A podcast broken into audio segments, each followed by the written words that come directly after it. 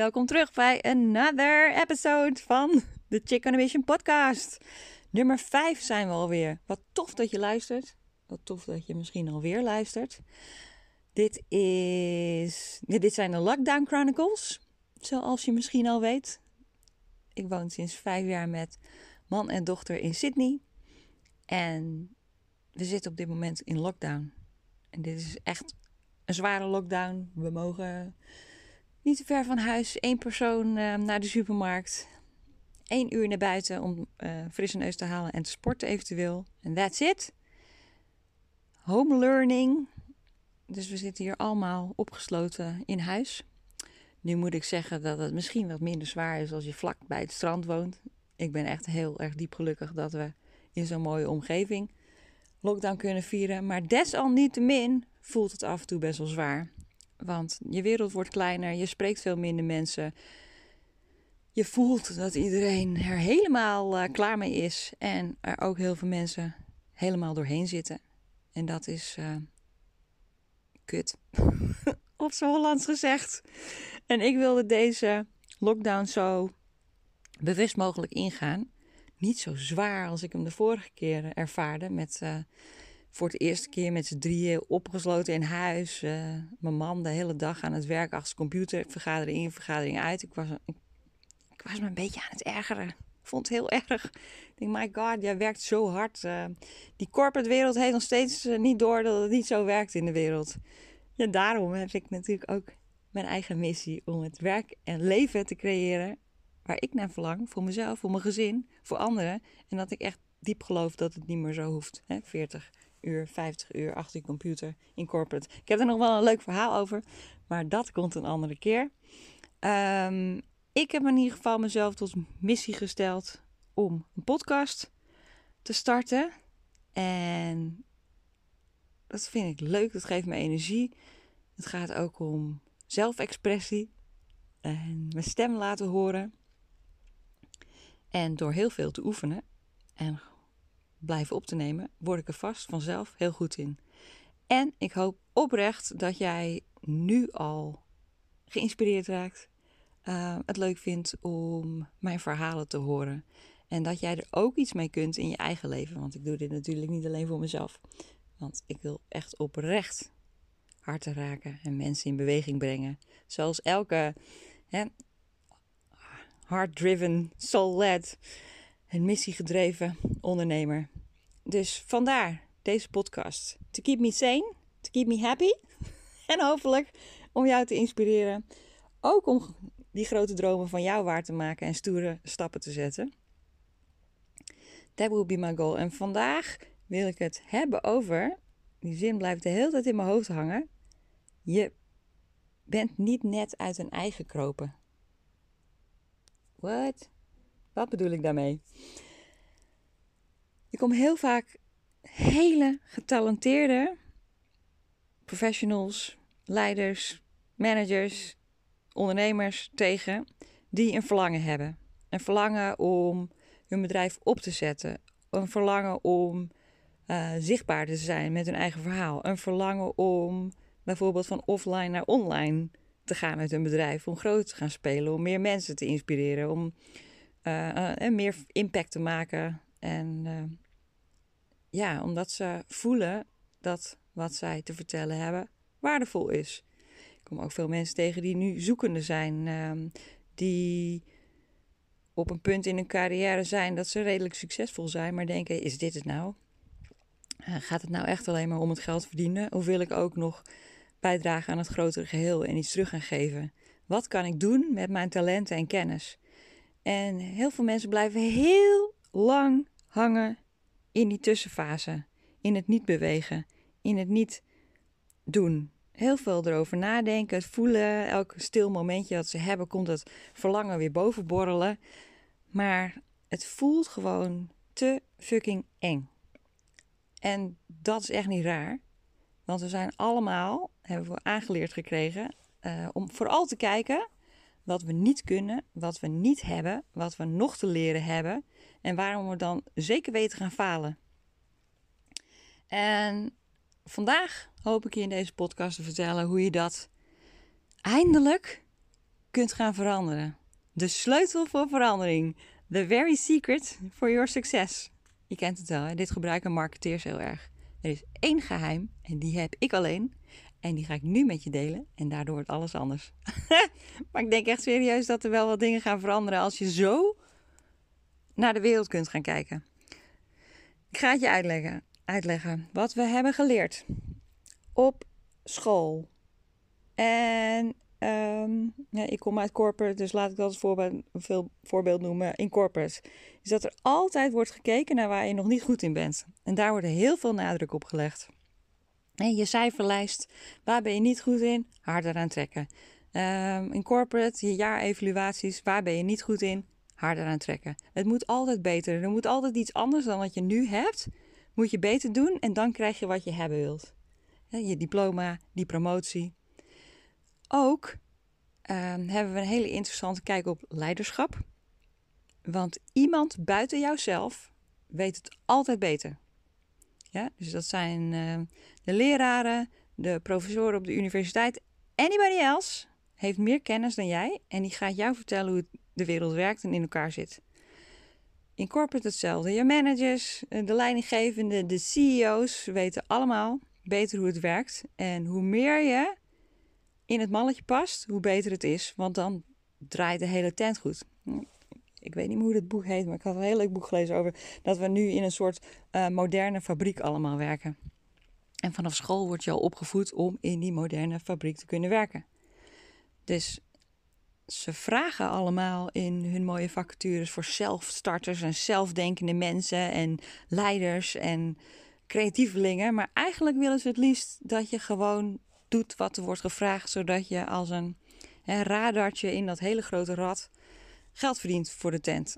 Wat ook logisch is, want anders kan het bedrijf niet bestaan. Maar er is helemaal niet zoveel ruimte voor eigenzinnigheid en uh, een andere manier van leiderschap en creativiteit. Ja?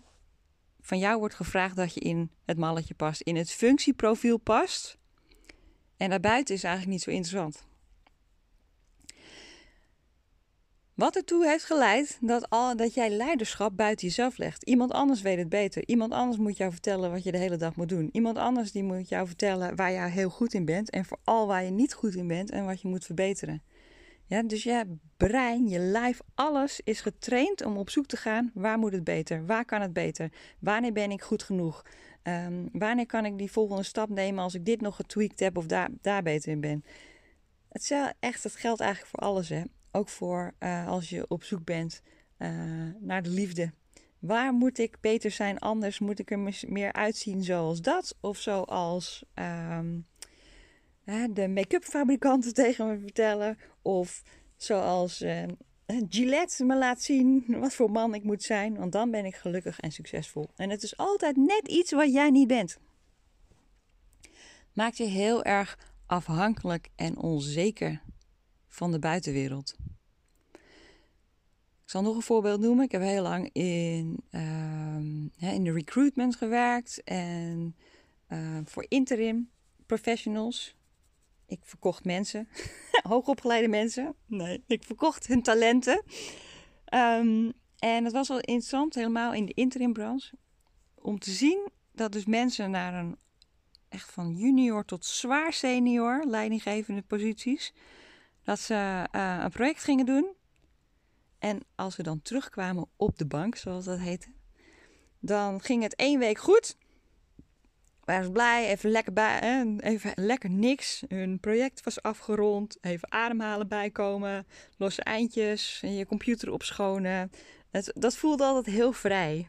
Week twee was nog wel aardig, maar als je in de derde week nog op de bank zat, dan begon de onzekerheid te knagen. Ik meen het serieus, het maakt er niet uit op welk level of hoeveel ervaring de professional had. En het gaat echt om hoogopgeleide professionals met echt enorm veel kennis, talent, ervaring. Als je de cv zag, dan dacht je echt, wow, jij kan echt wat. en elke keer viel het me op dat ze na week drie ongeveer hun uh, zelfvertrouwen begonnen te verliezen. Dan kwamen de vragen, heb ik het nog? Uh, wil iemand mij nog hebben? Was ik echt wel zo goed? Wat als uh, dat succes wat ik bij de vorige opdracht heb gehaald, nu niet meer lukt. Ehm, en dat is zo, ja, ik wou zeggen lastig om te zien, maar ook zo herkenbaar. En misschien herken je dat ook wel. Als je even geen klanten hebt gehad, of je gaat een bedrijf starten en je hebt nog geen klanten. Um, als je andersoortige klanten wilt misschien, die nog meer bij passen, of waar je ja, je bedrijf naar een hoger plan mee kan tillen, dan komt die twijfel altijd om de hoek zetten. Kan ik dit wel? Ben ik hier goed genoeg voor? Zien ze mij als uh, die expert of professional? Zo is very normal. Maar weet ook dat we dit allemaal aangeleerd hebben gekregen. Je bent zo goed als je laatste succes. Wat een bullshit is dat. Je hebt al een hele reeks succes en je bent al waardevol omdat. En daar wil ik het over hebben. En dat is uh, die geheime sleutel, die success key. Um, cracking the change code. Dit is de key van verandering. Waarom je niet verandert of waarom je blijft zitten en wat je daaraan kunt doen. En um, die sleutel heet waarderend onderzoeken. Ik heb op de universiteit heb ik veranderkundig model onderzocht. Appreciative Inquiry, daar ben ik op afgestudeerd. En dat uh, is in het Nederlands waarderend onderzoeken. En dat is een positief veranderkundig model, noemen ze dat. Omdat je gaat kijken naar wat er wel is, wat er wel werkt, in plaats van wat het probleem is en wat er niet is. En wat je dan toch allemaal zou moeten verbeteren. Het is echt een, met een andere bril naar de wereld kijken. En ik vind positief veranderen eigenlijk nog te klein, want dat lijkt dan net alsof je alleen maar. Uh, hè, naar unicorns, aan unicorns mag denken en blauwe luchten en never, nothing ever happens. Maar het gaat om waarderend onderzoeken. En volgens mij is het model uh, ja, in elkaar gezet, bedacht, ontworpen door David Cooperrider. En zijn vrouw was een um, artist. En zij uh, keek naar art op een appreciative manier, op een waarderende manier.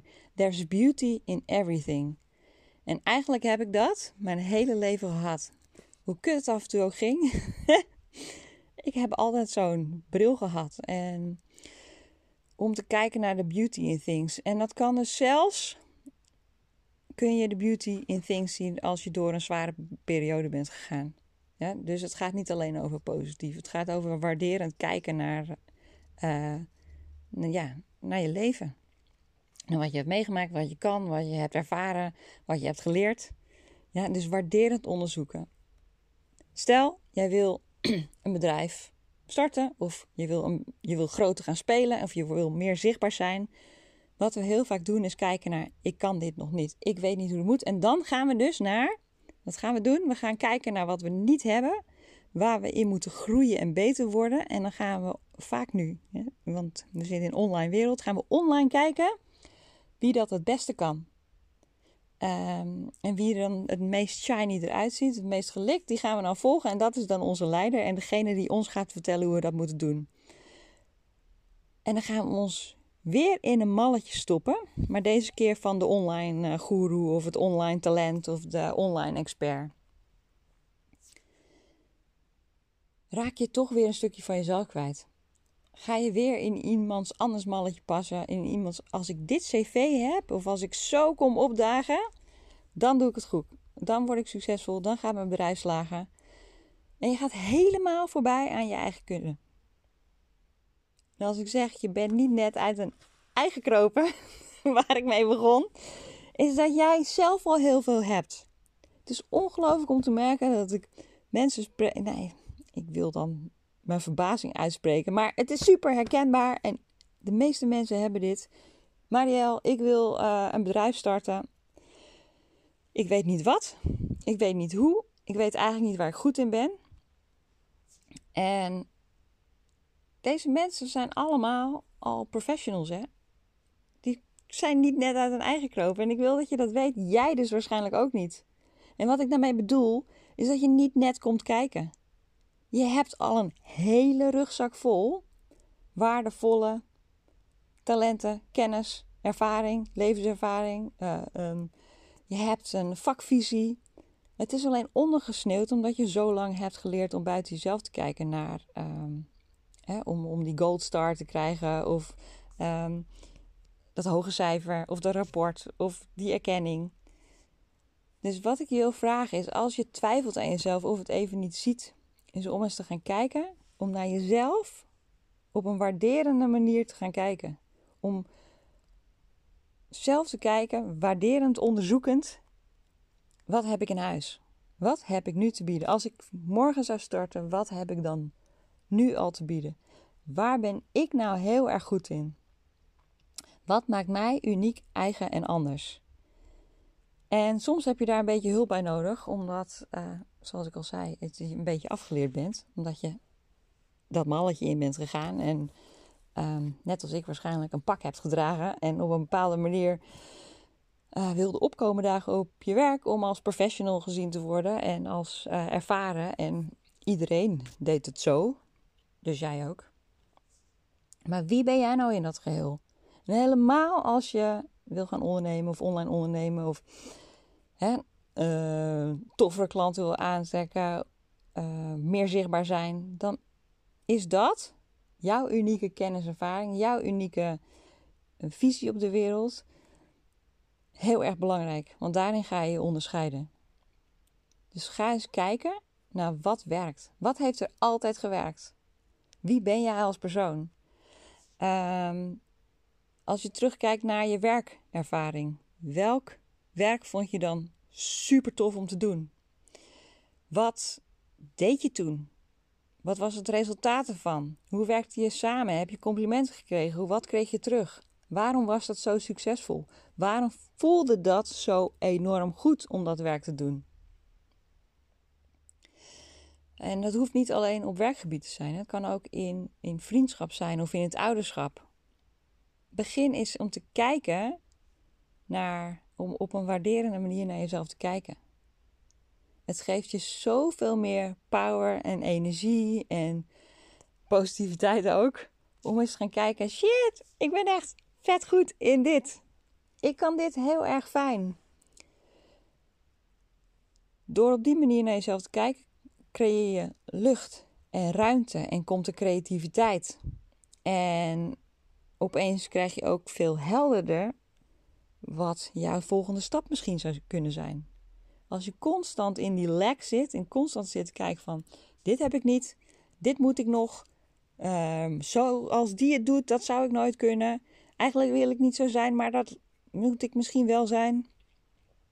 It takes your power away. En er is niets wat meer energie zuigt dan dat. Dus ga jij ermee beginnen om op een waarderende manier te kijken. Om vooral eens op te gaan schrijven hoe je wel bent en wat je wel hebt en waar je supergoed in bent, waar je energie van hebt gekregen. Als je terugkijkt in je carrière, waar kreeg je altijd heel veel energie van? Wat ging haast als vanzelf? Um, wat wil jij altijd dolgraag oppakken? Misschien zelfs, waar heb jij nooit uh, de kans toegekregen, maar voelde je wel altijd um, hè, je, je hart expanden. of die in, je, in je buik van, oeh, dat zou ik echt heel erg tof vinden. Ga er eens mee spelen en onderzoeken. Wat kan wel? Dat is, wat mij betreft, de sleutel tot verandering. The secret key to success. Neem even zonder dolle. Hoe anders zou het leven zijn als we allemaal gingen kijken naar die toffe elementen van onszelf? Het geeft zoveel. Je raakt meer gegrond. Je wordt er zelfverzekerder van. Je hoeft niet meer te wachten op erkenning van de buitenkant. Tot iemand anders tegen je zegt: Wat ben jij leuk? Of wat ben je mooi? Of wat heb je dat goed gedaan? Omdat je heel veel plezier krijgt met jezelf. En het bijzondere is, is dat je dan juist die dingen waarschijnlijk gaat horen die je zo graag van een ander wilt horen. Maar je hebt ze eerst opgezocht in jezelf.